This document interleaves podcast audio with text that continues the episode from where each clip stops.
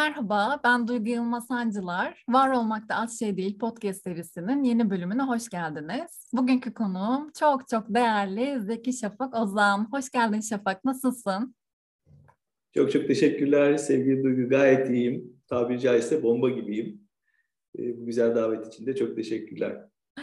Ben teşekkür ederim. Ben nasıl bir duygu içindeyim diye merak edenler olursa seni ağırladığım için çok geniş bir sevinç duygusu içindeyim. Tüm konuklarım biricik ve birbirinden değerli. E, o ayrı bir konu. Ancak seninle ilgili dinleyicilerime şu bilgiyi vermek istiyorum. Çünkü her bir bölümden yaşanmışlıklara ve farkındalıklara dair notlar alan dinleyicilerim olduğunu biliyorum. Zaman zaman bana geri bildirimlerde bulunuyorlar. Ee, sevgili Sinan Yorgancıgil ile yaptığımız bölümde Sinan hayatındaki kırılma noktalarından ve bunların öneminden bahsetmişti. Ve bu farkındalığı netleştirmesinde de bir iş görüşmesi sırasında bir CEO tarafından kendine yönlendirilen bir sorunun etkisi olduğunu söylemişti. İşte o hayatındaki üç önemli kırılma noktası sorusunu sorup Sinan'ı etkileyen bana da aynı etkileyici soruyla bir iş görüşmesi deneyimi yaşatan kişiyle Zeki Şafak Ozan ile bu bölümü kaydediyoruz. Daha ne olsun demek istiyorum. Yine böyle parçaları birleştirdiğimiz bir deneyimin içindeyiz diyorum e, bunu belirterek. Ya ne kadar güzel bir giriş oldu. Bu her şeyden önce bu, bu güzel sözleri hak ediyor mu bilmiyorum ama gerçekten gönülden çok teşekkürler. Bu vesileyle sevgili Sinan'ın da kulaklarını çınlatmadan olmaz e, kariyerimde e, gerçekten çok özel iz bırakan, e, çok sevdiğim arkadaşlarımdan biri. Her zaman yolu açık olsun diyorum. Evet, çok çok mutluyum o yüzden seni e, ağırlayabildiğim için ve hazırsan sorularıma geçmek istiyorum. Tabii ki çok zorlu olmasın ama. Pekala. Senin için zorlayıcı olacağını düşünmüyorum Şafak. İlk sorumla başlıyorum. Kendi cümlelerinle seni senden duymak istesek bize neler söylersin? Yani sevgili Duygu herhalde e, aslında bir insanın kendi kendine anlatmasından ziyade onu tanıyan kişilerin anlatması daha gerçekçi bir resim verebilir ama ben bu soruya biraz farklı bir şekilde cevap vermeye çalışayım.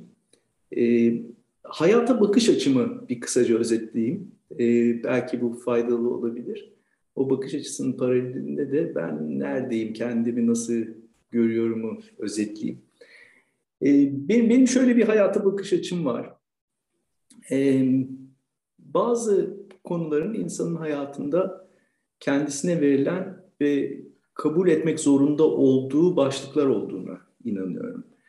Ee, bu başlıkları seçme şansımız yok. Yani e, örnek veriyorum kimin çocuğu olduğumuz, hangi zaman diliminde yaşadığımız, cinsiyetimiz, e, ana dilimiz, e, bunların bunların hiçbiri bizim seçtiğimiz şeyler değil. Bunlar e, kendimizi bilmeye başladıktan sonra fark ettiğimiz ve e, kabul etmek zorunda olduğumuz başlıklar.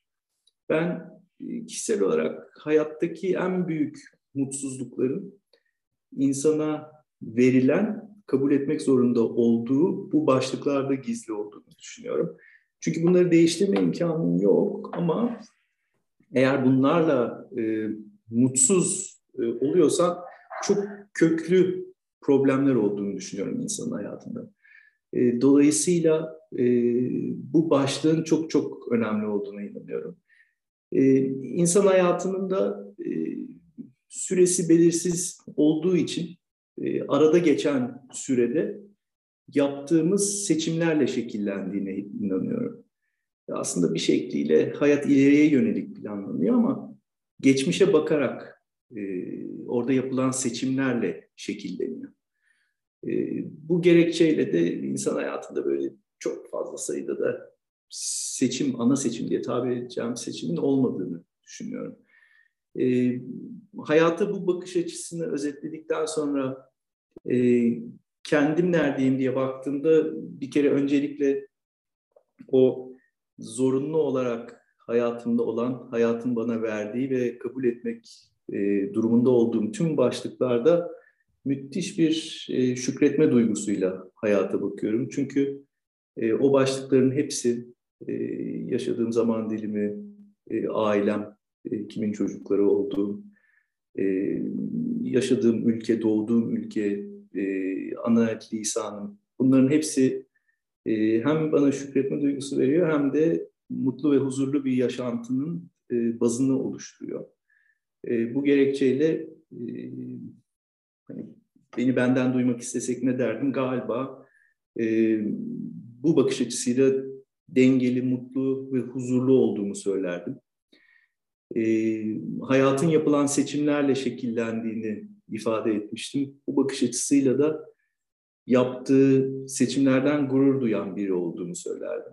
E, bugün geriye baktığımda hem e, hayatı ileriye yönelik planlarken e, müthiş bir heyecan, müthiş bir e, sembolik anlamda pozitif iddiayla geleceğe bakmamı sağlayan o gelecekteki, geçmişteki seçimlerimin çok çok çok doğru seçimler olduğunu e, düşünüyorum. O nedenle e, bununla gurur duyuyorum. Geleceğe yönelik heyecan veren e, bazı oluşturduklarına inanıyorum. E, yani çok felsefi bir bakış açısıyla yaklaşmak istemem ama sonuçta hayatın ne kadar süreceğini bilmiyoruz. Ne zaman sona ereceğini bilmiyoruz. Eğer son bir an gelse ve o an e, düşünme şansım olsa bugün geriye yönelik bakıp harika bir hayattı diyebilecek e, bir şükranla e, hayatı gören bir insanım. Böyle bir şekliyle giriş yapmış olalım. Ben buyum diyeyim. Çok teşekkürler bu güzel soru için. Çok çok güzel bir girişte. Biraz buradaki bakış açınla da bağlantılı bir soru daha geliyor aslında. Hakkını vererek yaşamak sence ne demek? Ve sence sen yaşamanın hakkını veriyor musun? Biraz birinci soruyla bağlantılı biraz bize orada gösterdin aslında bakış açını ama yine de bu soruyu es geçmek istemedim Şafak. Evet yani yaşamın hakkını vermek çok çok iddialı bir başlık. Ee, buna nasıl cevap vereyim? Şunu e, ifade etmek isterim. E, çok çok uzunca yıllar önce e, böyle geleceğe yönelik planlarımı yaparken ve çok çok iddialı planlarken kendime göre e, elime bir kitap geçmişti. Onu okumuştum. E, çok çok şaşırtıcı bir e, bende etki yaratmıştı. Çünkü çok e, benim için önemli sorularla başlayıp ondan sonra da bu soruları çok güzel bir şekilde bağlayan bir kitaptı. E, ben o kitap ve o sorularla kendimce e, yaşamanın ne demek olduğuna ve yaşamımda ne yapmak istediğime karar vermiştim. O yüzden bunu bunu anlatarak bu soruna cevap vermeye çalışayım. E, kitap böyle ilginç bir birkaç soruyla başlıyordu. E, örneğin e, bilime, pozitif bilime inanır mısınız? Ben kesinlikle pozitif bilime çok inanırım. Ee, evrenin sonsuzluğuna inanır mısınız? İkinci soru. Ee, evet yani dünyanın e, bilimsel olarak da bir sonu olabileceği e, senaryolar gerçekçi olsa da evrenin sonsuzluğu bana böyle daha e, yakın bir e, başlık gibi geliyor. Ee, üçüncü soru, e, hayatında çok iddiası olan e, birisi misiniz? Büyük hedefleri olan birisi misiniz? Ee, her zaman kendimce iddialı oldum ama tabii daha genç yaşlarda insan çok daha iddialı bir şekilde hayata bakıyor ve gerçekten de evet, sorunun cevabı da evetti. Ondan sonra yazar bu üç soruyu güzel bir soruyla e, tanımlıyor, birleştiriyor. E, o soru da şuydu. E, düşünebildiğiniz en büyük sayıyı düşünün ve bunu sonsuzluğa bölün. Cevap nedir? E, yani matematik e, ilgilenen herkes bilir ki e, sonsuzluğa bölünen sayı ne kadar büyük olursa olsun sonuç sıfırdır. Ve ondan sonra yazar e, aslında siz sıfırsınız, siz bir hiçsiniz diye e, başlayarak e, çok e, iddialı bir mantıkla ama çok güçlü bir mantıkla e, arkasındaki tezi anlatıyordu. Tez de şu, e, tarihte çok büyük iz bırakan liderleri düşünün, örneğin Atatürk. E, daha uç noktalara gidin, e, dini e, bu anlamda iz bırakan kişileri düşünün, peygamberleri. E, daha e, uzun süreli hayatta iz bırakan ve binlerce yıl hatırlanacak insanları düşünün. Ama bunu da evrenin sonsuzluğu içerisinde düşünün. Yani işte bin yıl sonra, on bin yıl sonra, yüz bin yıl sonra, bir milyon yıl sonra bu kişilerin o zaman yaşayacak kişilerde nasıl bir iz bırakacağını e, anımsayın. Onu hayal etmeye çalışın. Dolayısıyla o kadar zaman sonra ne kadar güçlü kişiler olsa da, kişilikler olsa da belki bazı şeyler e, bugünkü gibi hatırlanamayabilir gibi bir girişi vardı kitabın.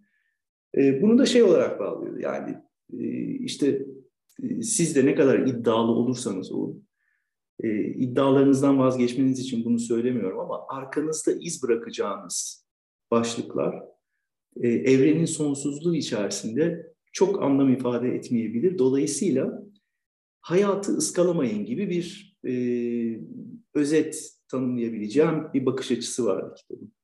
Ve beni çok sarsmıştı bu kitap çünkü ben gerçekten çok e, genç yaşlarda bunu okudum. İddialı e, bir hayata bakış açısını e, ve iz bırakmayı çok önemseyen biri olarak okudum. E, bu açıkçası e, hakkını vererek yaşamak tarafında e, beni bayağı meşgul etti. Oradan çıkarak da bir kendimce şey oluşturdum. E, dedim ki yani evet olabilir.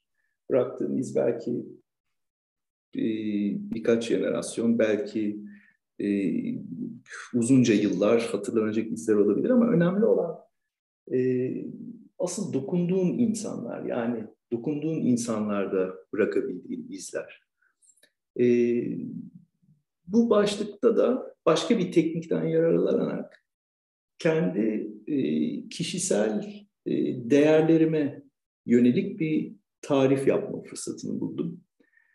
E, o da çok ilginç bir teknikti. Yine başka bir kitaptan o tekniği almıştım yıllarca önce. Kendini bir şekilde kendi cenazene gitmişken hatırlıyorsun, hayal ediyorsun.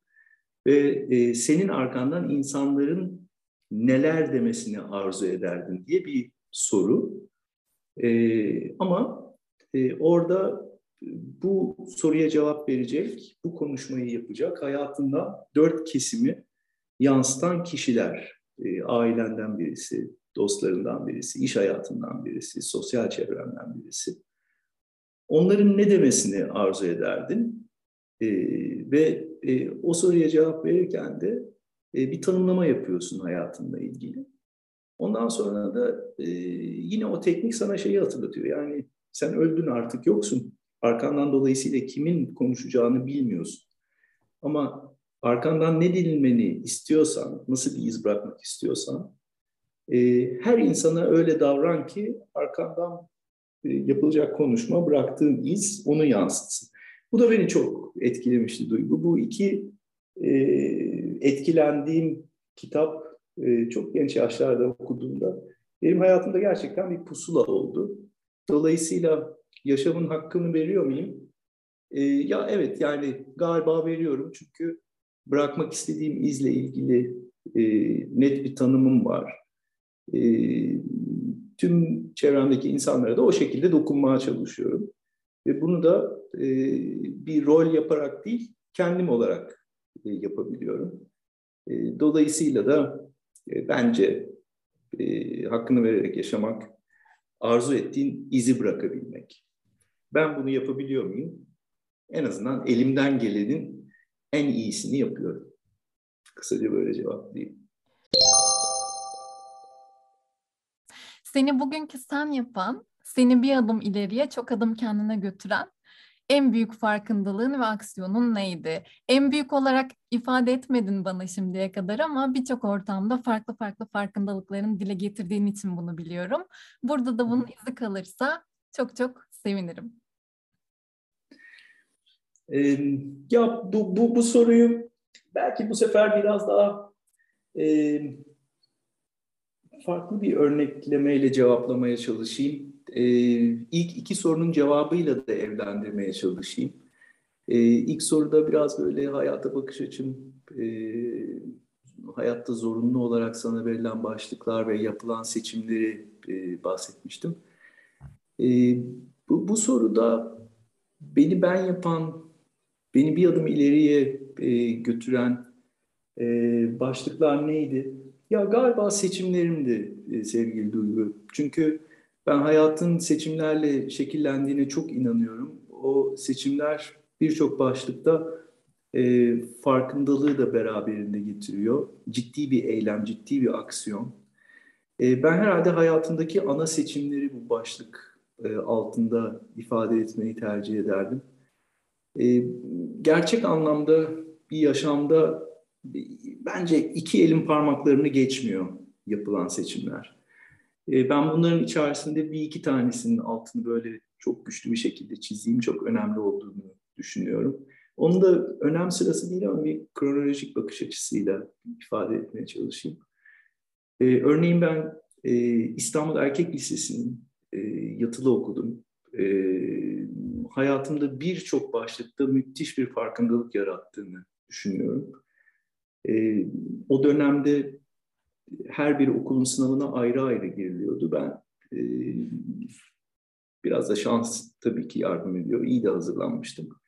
6 tane okul kazanmıştım. Bunlardan bir tanesi İstanbul Erkek Lisesi'ydi. İstanbul Erkek Lisesi'ne karar verdim. Yatılıydı. Ben çok e, genç e, bir yaşta yani diğer yaşıtlarıma göre bir buçuk yaş daha erken e, gittim e, okula. E, ve yatılı okumak tabii ki çok küçük yaşta çok zorlayıcı bir başlık. Ama inanılmaz yani bugün e, neredeysem e, hayatımda çok büyük iz bırakan bir başlık. Yani savaşmayı orada öğrendim.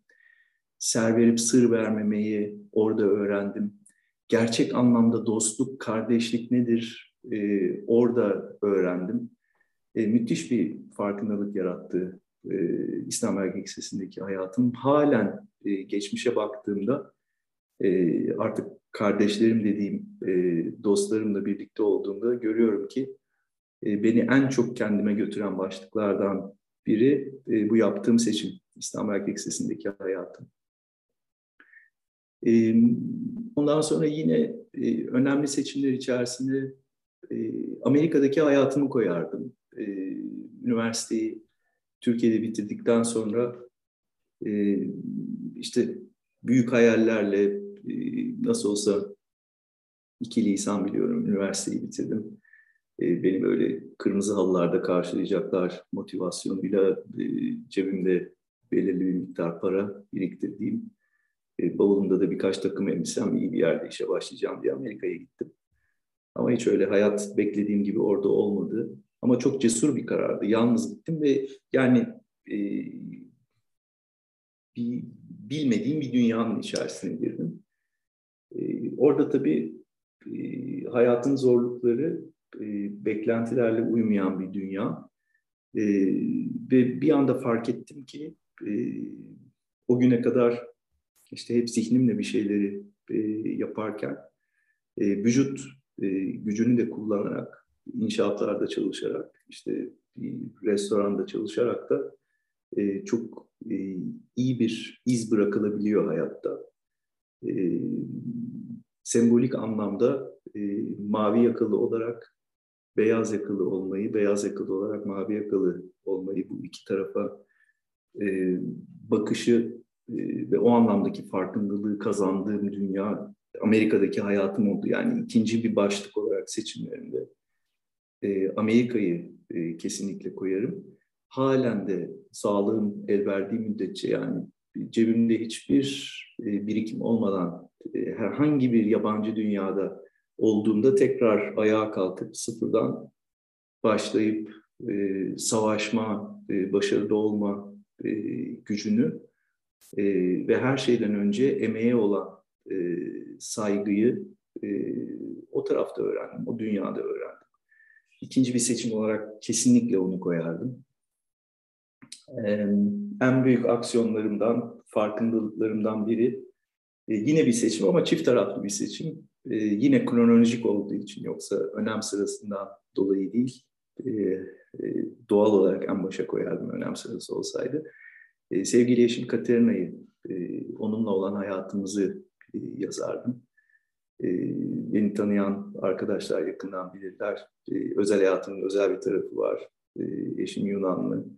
E, ben Yunanistan'da yaşıyorum. İşte dünyanın neresinde olursam olayım. E, son 20 yıldır hep her hafta sonu e, Atina'da evimde e, hayatımı geçirdim. E, sevgili karımla beraber, çocuklarla beraber ve onun dışında da hep e, iş hayatı ve sorumluluklarım beni nereye götürdüyse orada oldu.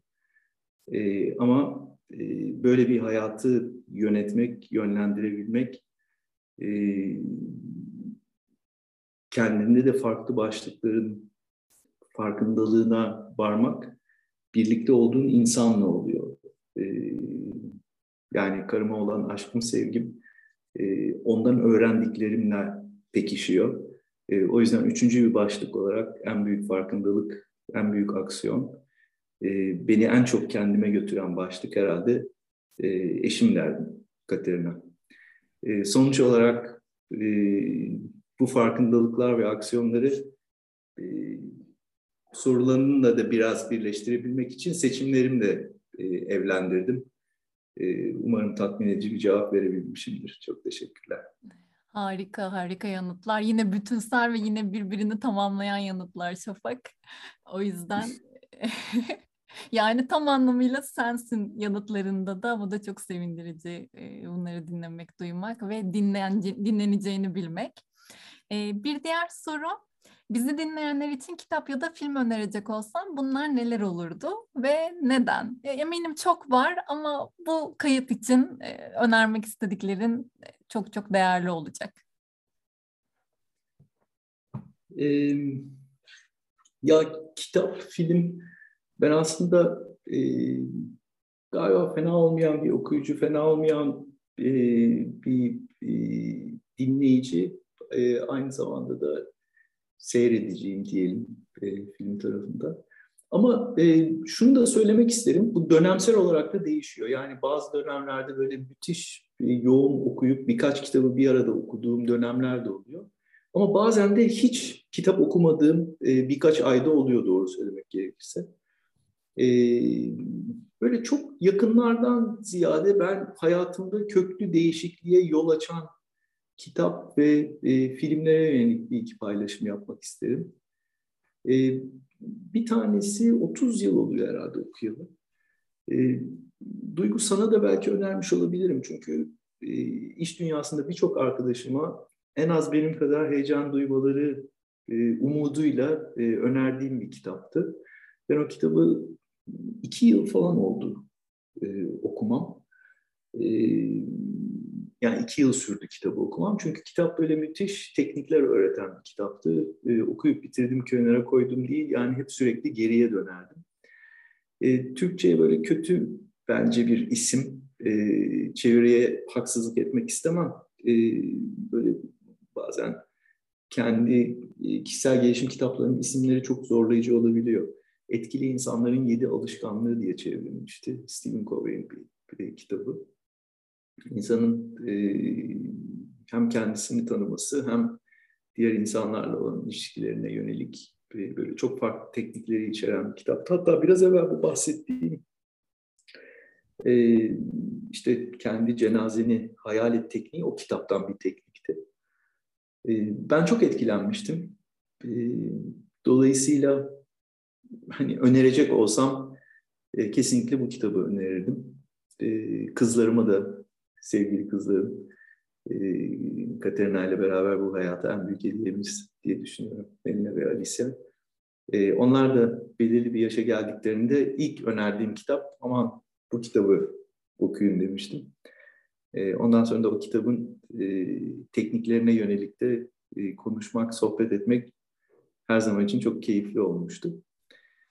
E, o yüzden bu, bu kitabı önerirdim herhalde. E, Film tarafında film tarafında da yine böyle çok çok müthiş filmler seyrettim. En son e, hani bir öneri olarak ama asıl e, anlatacağım e, film başka bir film. E, uçakta bir Anthony Hopkins'in The Father diye bir kitabı, e, pardon bir e, filmini seyrettim. Müthişti. e, demans e, hastalığı olan bir, bir insanı canlandırıyor. Gerçekten inanılmazdı e, oyun gücü olarak. Ama e, bende iz bırakan film, yine böyle geçmişe gidiyorum. E, müthiş bir eğitimle e, evlendirilmiş bir şekilde ben o filmi izleme şansına ulaştım. E, 12 Kızgın Adam e, filmin ismi. Bugünkü e, çok böyle büyük bir şekilde sahiplendiğimiz ve e, bayrağını taşıdığımız grup olarak da toplumsal cinsiyet eşitliği bakış açısıyla düşündüğümde aslında ne kadar kötü bir isim ama e, film galiba 50'li yıllarda, 55 ya da 57 yılı olması lazım. İlk çekildiğinde birkaç versiyonu çekildi. O yıllarda çekildiğinde e, çok da şaşırtıcı olmasa gerek ismin 12 Kızgın Adam olması. Çünkü e, 12 kişilik bir jürinin e, bir karar verme sürecine yönelik e, yani neredeyse filmin tamamı jürinin karar verdiği bir odanın içerisindeki diyaloglarla şekillenen e, bir filmdi. E, ben bunu Grit semineri eşliğinde almıştım. Yine herhalde en az en az 28-30 yıl oluyor olabilir. E, çok çok harika bir e, eğitimdi. O eğitimde mantık şunun üzerine kuruluydu.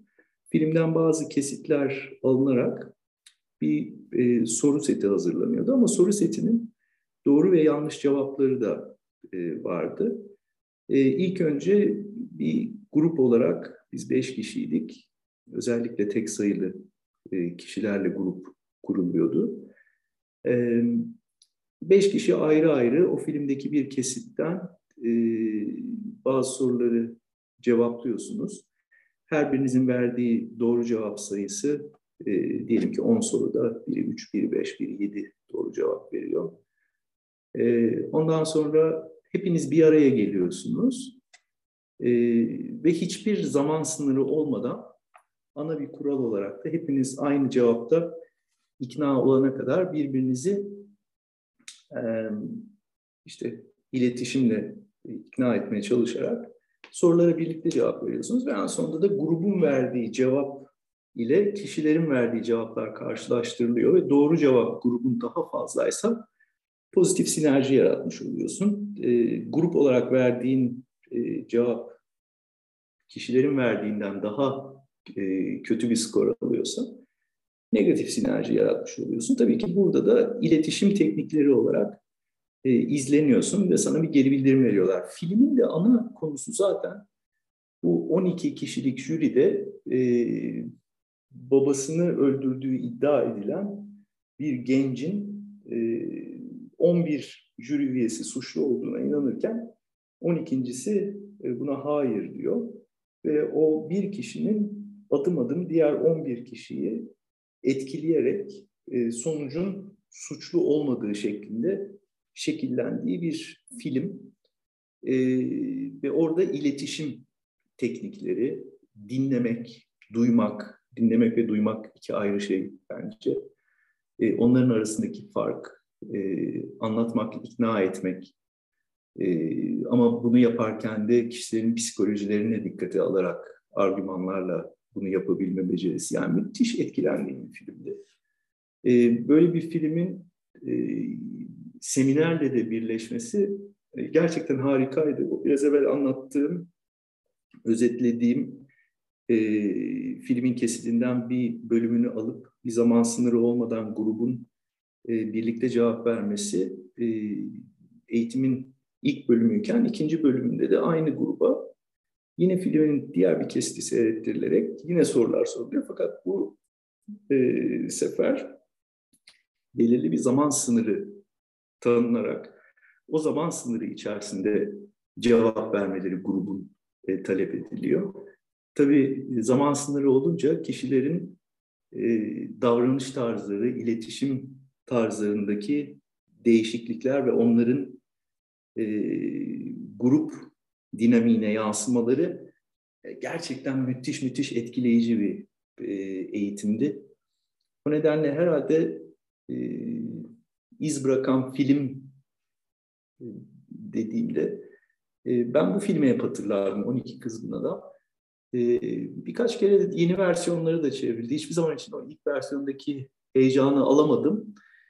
Ama çok etkileyici bir film. Yani iletişim tarafında müthiş müthiş iz bırakan bir filmdi. İş dünyasındaki bilhassa iş dünyasına yönelik kariyerlerine yeni başlayan arkadaşların iletişim tarafında nasıl bir güç olabileceğine yönelik seyretmelerini hararetle önereceğim bir filmdir. Kısaca film olarak da, kitap olarak da bu başlıkları seninle paylaşmış olayım. Evet, yine çok çok harika paylaşımlar oldu. Hikayeleriyle beraber gelen paylaşımlara bayılıyorum. O yüzden o anlamda gerçekten çok teşekkürler. Ee, geldik aslında benim de çok merak ettiğim bir soruya. Çünkü biliyorsun bizim programımızın henüz bir adı yok. Ee, bu bölümün adını seninle sen koyacaksın hatta. Bazen görüş alanları oluyor ama ben kesinlikle konuklarıma bırakıyorum. Bu bölümün adı ne olsun istersin? E, bu bölümün adını herhalde e, yine senin sorduğun güzel sorular ve benim vermeye çalıştığım cevapların bütünselliği içerisinde e, hayat ve seçimler derdim herhalde. Evet, hayat ve seçimler. Peki o zaman bölümümüzün ismi koyulmuştur efendim. Peki buradan e, şöyle bir soruyla devam etmek istiyorum. Bundan sonraki bölümün adı ne olsun isterdin? Seninle yine oturmuşuz, yine bir podcast çekmişiz ve ona bir isim koyacağız. Hani böyle başka bir sayfa gibi de düşünebilirsin bunu. Onun ne olmasını isterdin? Aa, eğer benimle ise e, kesin bir önerim olurdu ama başka bir e, misafirin için e, öneri olacaksa onu ne kısıtlamak isterdim ne haddim olacağını düşünürdüm. Ama sorun anladığım kadarıyla benimle ikinci bir şey olsaydı ne olurdu? Kesinlikle geleceğe mektuplar derdim sevgili kızlarımı düşünerek. Ay harika. Evet soru tamamen sana yönelikti. Yine çok güzel bir başlık oldu diye düşünüyorum. Geldiğin için çok teşekkür ederim Şafak. İyi ki varsın ve hep var olmanı isterim. Çok çok teşekkürler sevgili Duygu.